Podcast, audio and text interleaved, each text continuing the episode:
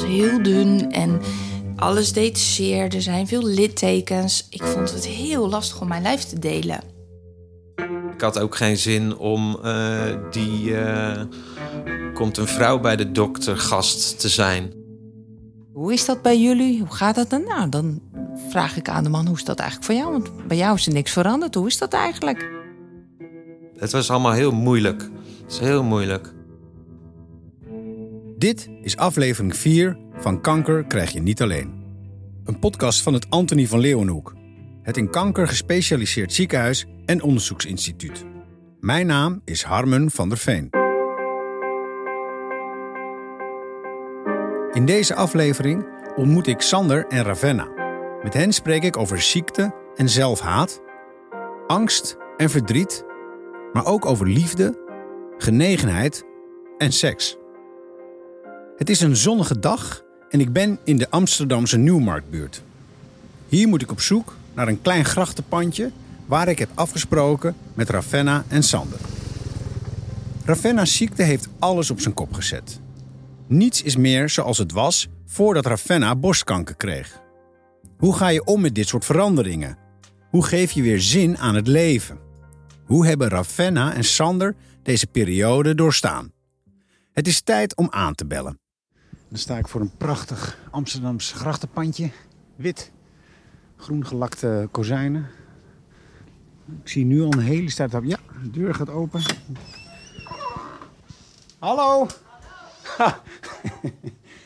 wow, wat een klim. Nou ja, we zijn al. Ik hoop dat hij niet buiten adem raakt voordat hij boven Ja. De dat ik niet buiten adem raak voordat ik boven ben. Nou, dat zal wel meevallen. Maar het is echt een geweldige steile trap.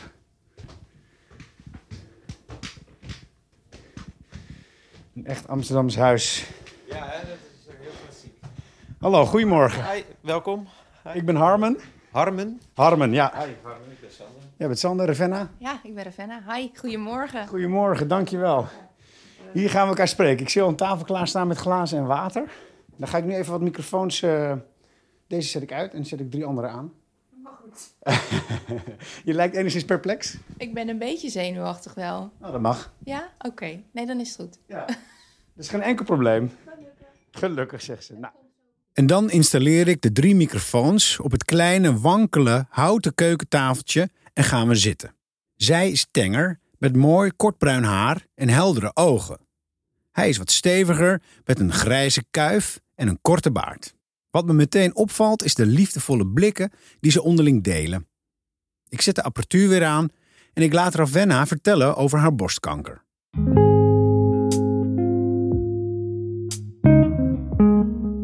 Ik zou zelf heel graag willen zeggen dat ik genezen ben. En ik denk dat ik dat ook ben. Alleen bij mij is het natuurlijk al een keer teruggekomen. Ehm, en ik ben ook nog deze tien jaar onder behandeling. En pas daarna, of na die vijf jaar, kunnen we zeggen dat ik genezen ben. Dat geeft wel veel onzekerheid. Denk ik. Ja, ja, dat geeft het.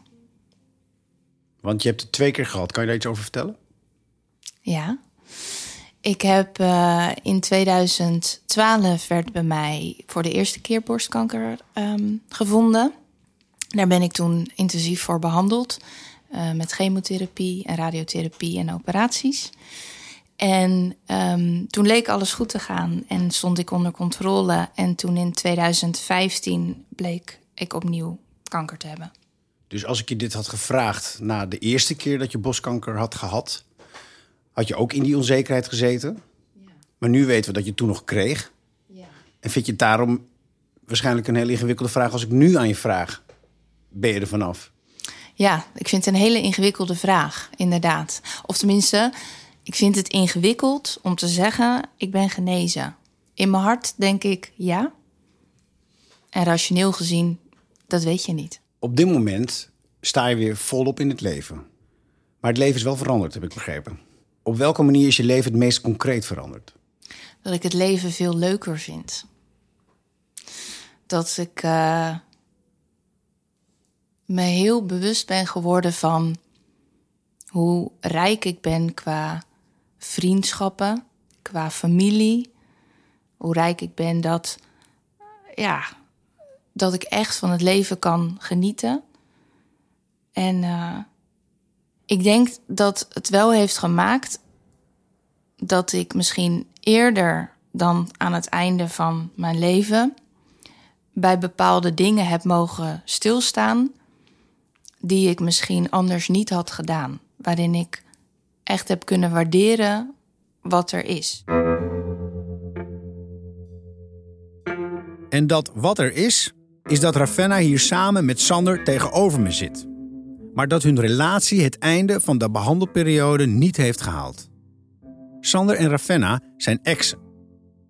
Voordat Sander aan het woord komt, gaat Ravenna nog even terug in de tijd. Toen ik de eerste keer ziek werd en uh, direct daarna heb ik Sander ontmoet hier op het Centraal Station in Amsterdam. Hier was onze eerste afspraak in dit huis waar wij nu zitten. Ja. En um, Sander en ik hebben bijna vier jaar een relatie gehad. En dus in die periode kreeg ik de tweede keer kanker. Toen waren wij samen. Ja. Maar het is uit. Ja, het is uit. Ja. Sander, komt dat door de ziekte? Nee. Denk ik niet. Ik geef het wel eens de schuld, maar. Dat is ook het leven. Ja, het heeft natuurlijk sowieso impact gehad. Het was uh, veel. Uh, maar nee, ik geef niet de ziekte de schuld. Want welke impact had het? Nou ja, uh, zo'n heel proces van chemo en operaties. dat, ja, dus niet dat heftig in de zin, want het, we, we gingen er gewoon voor. We waren gelijk al van oké, okay, we dit is het traject, dus uh, let's do it. Dus dat heftig, omdat het, het speelde de hoofdrol. Ja. En dat, uh, dat heeft blijkbaar wel impact. Vooral als het eigenlijk helemaal klaar is of zo. Als, het, als je er helemaal na een paar maanden, de chemo zit erop, operaties gedaan... en je wordt voor even schoon verklaard. Ja. Dan heb je zoiets van, ah, we hebben het, het, is, het is goed gegaan. En dat was kankerafdeling deel 1 toen? Ja, en dan komt deel 2 en dat is eigenlijk het heftigst. Maar jullie ontmoeten elkaar toen deel 1. Um, ja, ik weet niet zo goed. Het is heel moeilijk om het terug te halen. Want... Oh, ik weet dat nog heel goed. Ja, vertel maar eventjes dan. Op het moment dat je de diagnose krijgt en er een plan op tafel komt, dan ga je. En, of tenminste, in mijn geval, ik ging. En ik ging ervoor en ik uh, verdroeg het. En je wist wat je te wachten stond? Ik wist wat me te wachten stond. Het werd wat erger, dat wel, dan de eerste keer. Maar dat is een trein waar je op blijft zitten. Nou, dat is wel een metafoor die denk ik veel mensen gebruiken. En dan opeens dan ben je bij dat station dat je uit mag stappen en dat je weer je eerste stappen mag zetten en dat je kan bepalen van, uh, goh, wat ga ik vandaag doen in plaats van naar het ziekenhuis gaan. Ja. Ja. En dat ging eigenlijk anderhalf jaar redelijk goed aan de, aan de buitenkant. Mhm. En pas na anderhalf jaar kwam de klap bij mij. En ik denk dat dat de klap is waarop uh, Sander doelde van toen ging het... Toen kwam het dieptepunt. Het, het dieptepunt na de behandelingen. En waarom was dat zo'n dieptepunt dan? Ik zat... Uh, jeetje, dit is lastig. Het is ook heftig. Ik, ja, wat ik net al zei... Als de, ik was de angst verloren om dood te gaan... En ik had zoveel angst voor het leven dat ik echt met mezelf ontzettend in de knoop zat. Ik wist het gewoon echt niet meer hoe ik het moest doen. En Sander was uh, te veel ook. Ik wist niet meer hoe ik het met hem ook goed moest oplossen. Ik wist niet meer hoe ik moest praten. Ik wilde eigenlijk alleen maar alleen zijn.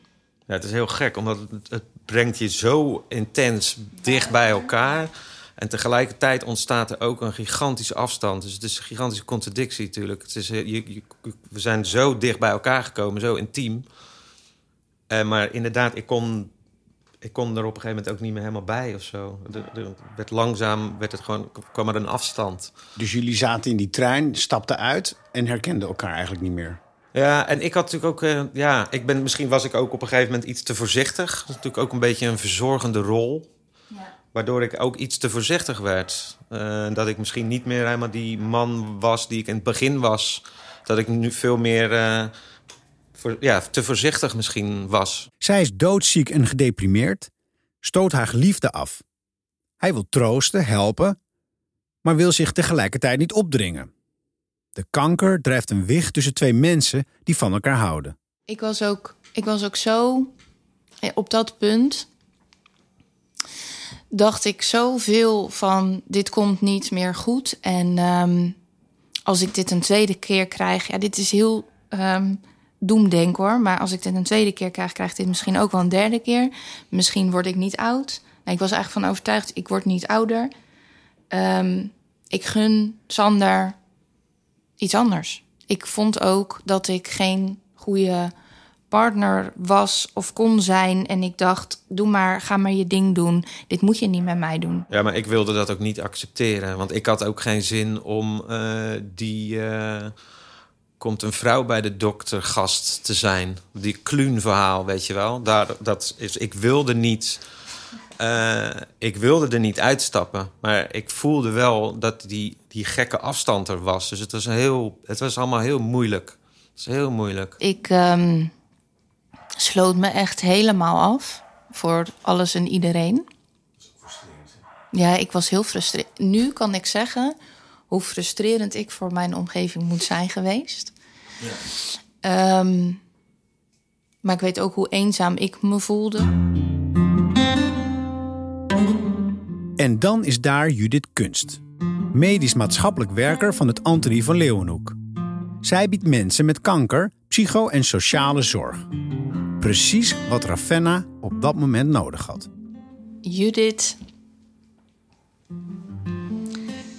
Judith prikte bij mij overal direct doorheen. En dat is een stuk ervaring van haar. Ze is een professional, maar het is ook een.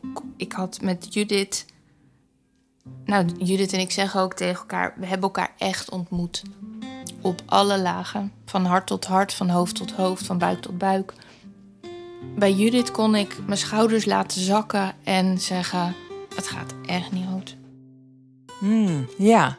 Oh, wat mooi. Want dat is denk ik wel waar het over ging, of wat daar duidelijk werd. Dit is Judith Kunst zelf.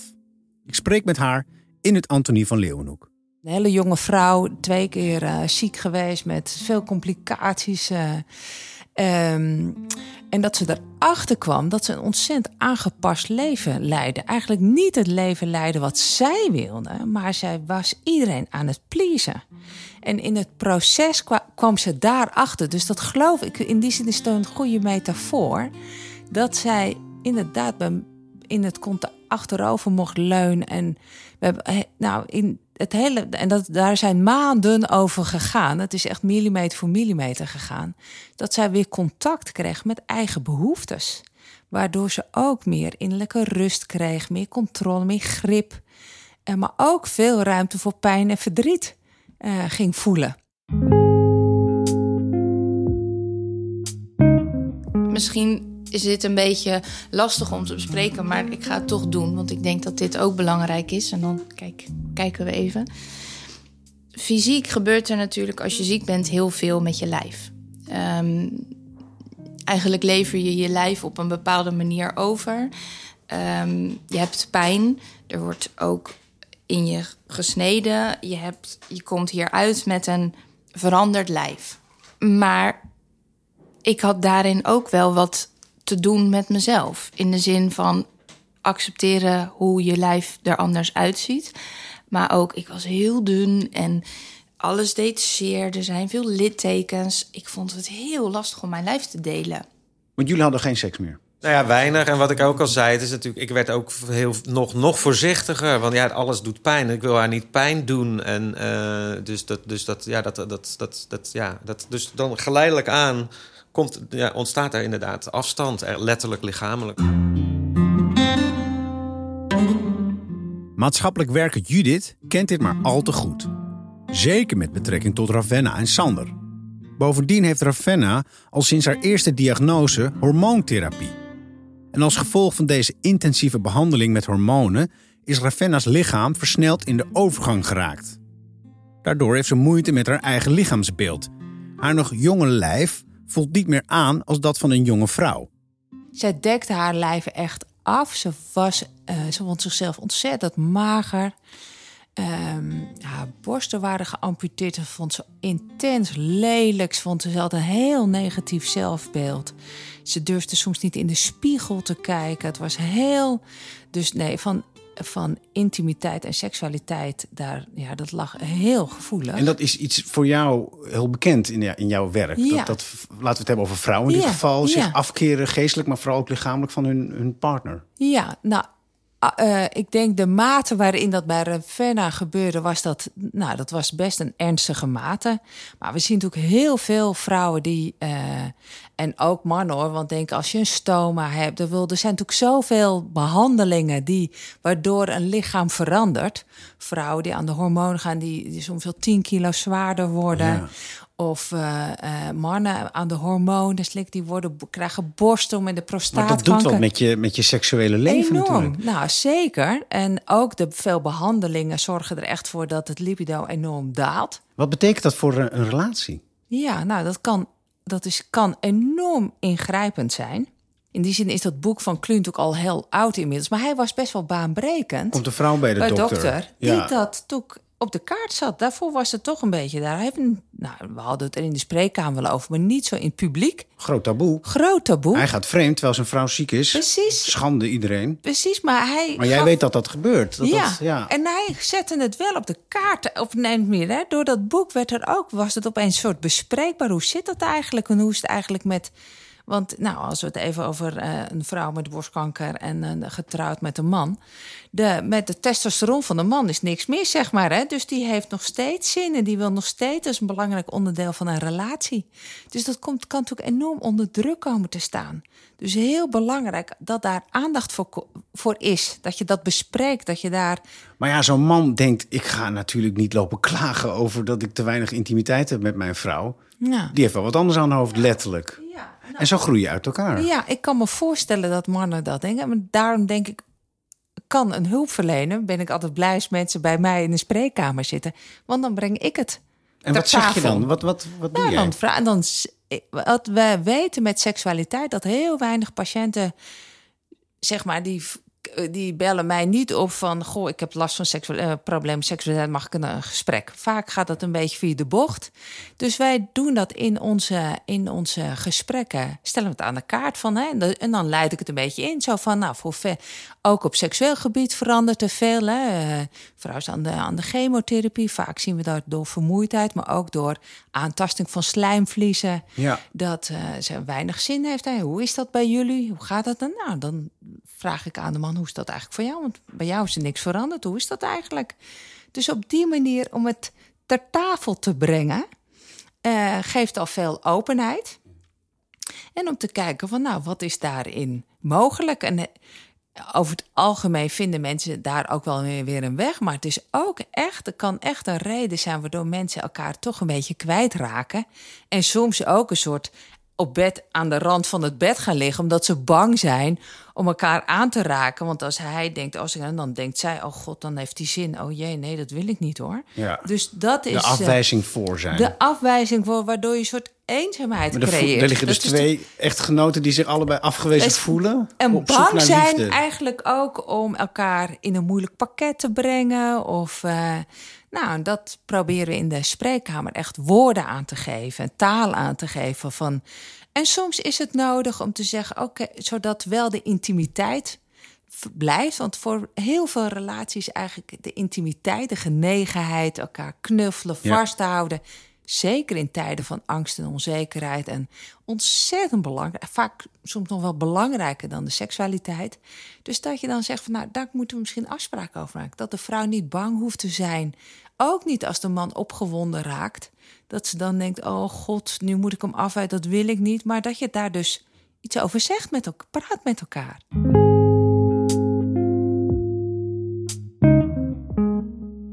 Woorden geven. Taal geven aan een groot taboe. Ravenna en Sander kunnen dat. Ook al heeft hun relatie het uiteindelijk niet overleefd, de manier waarop ze toch met elkaar in contact zijn gebleven is mooi. Wij, wij, we hadden het er net over toen we hier naartoe liepen.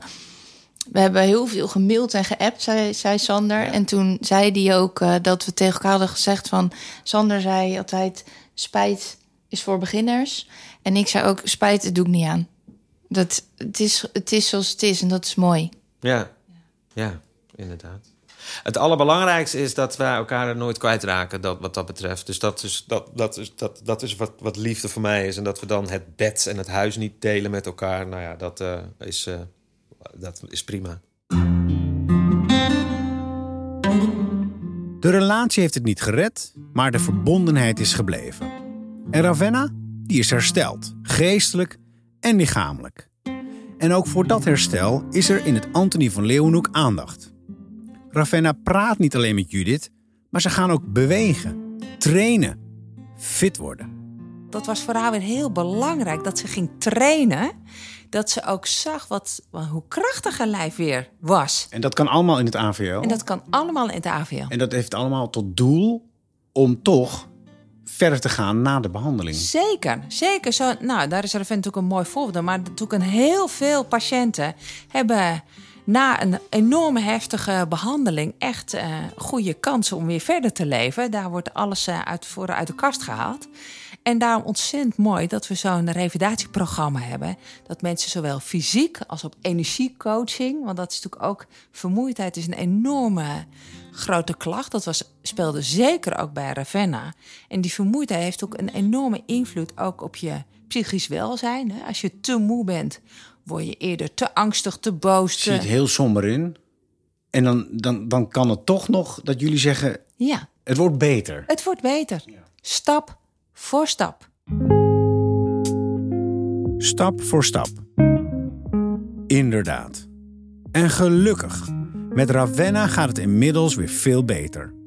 Ze staat weer volop in het leven. Werkt weer. Heeft een nieuwe relatie.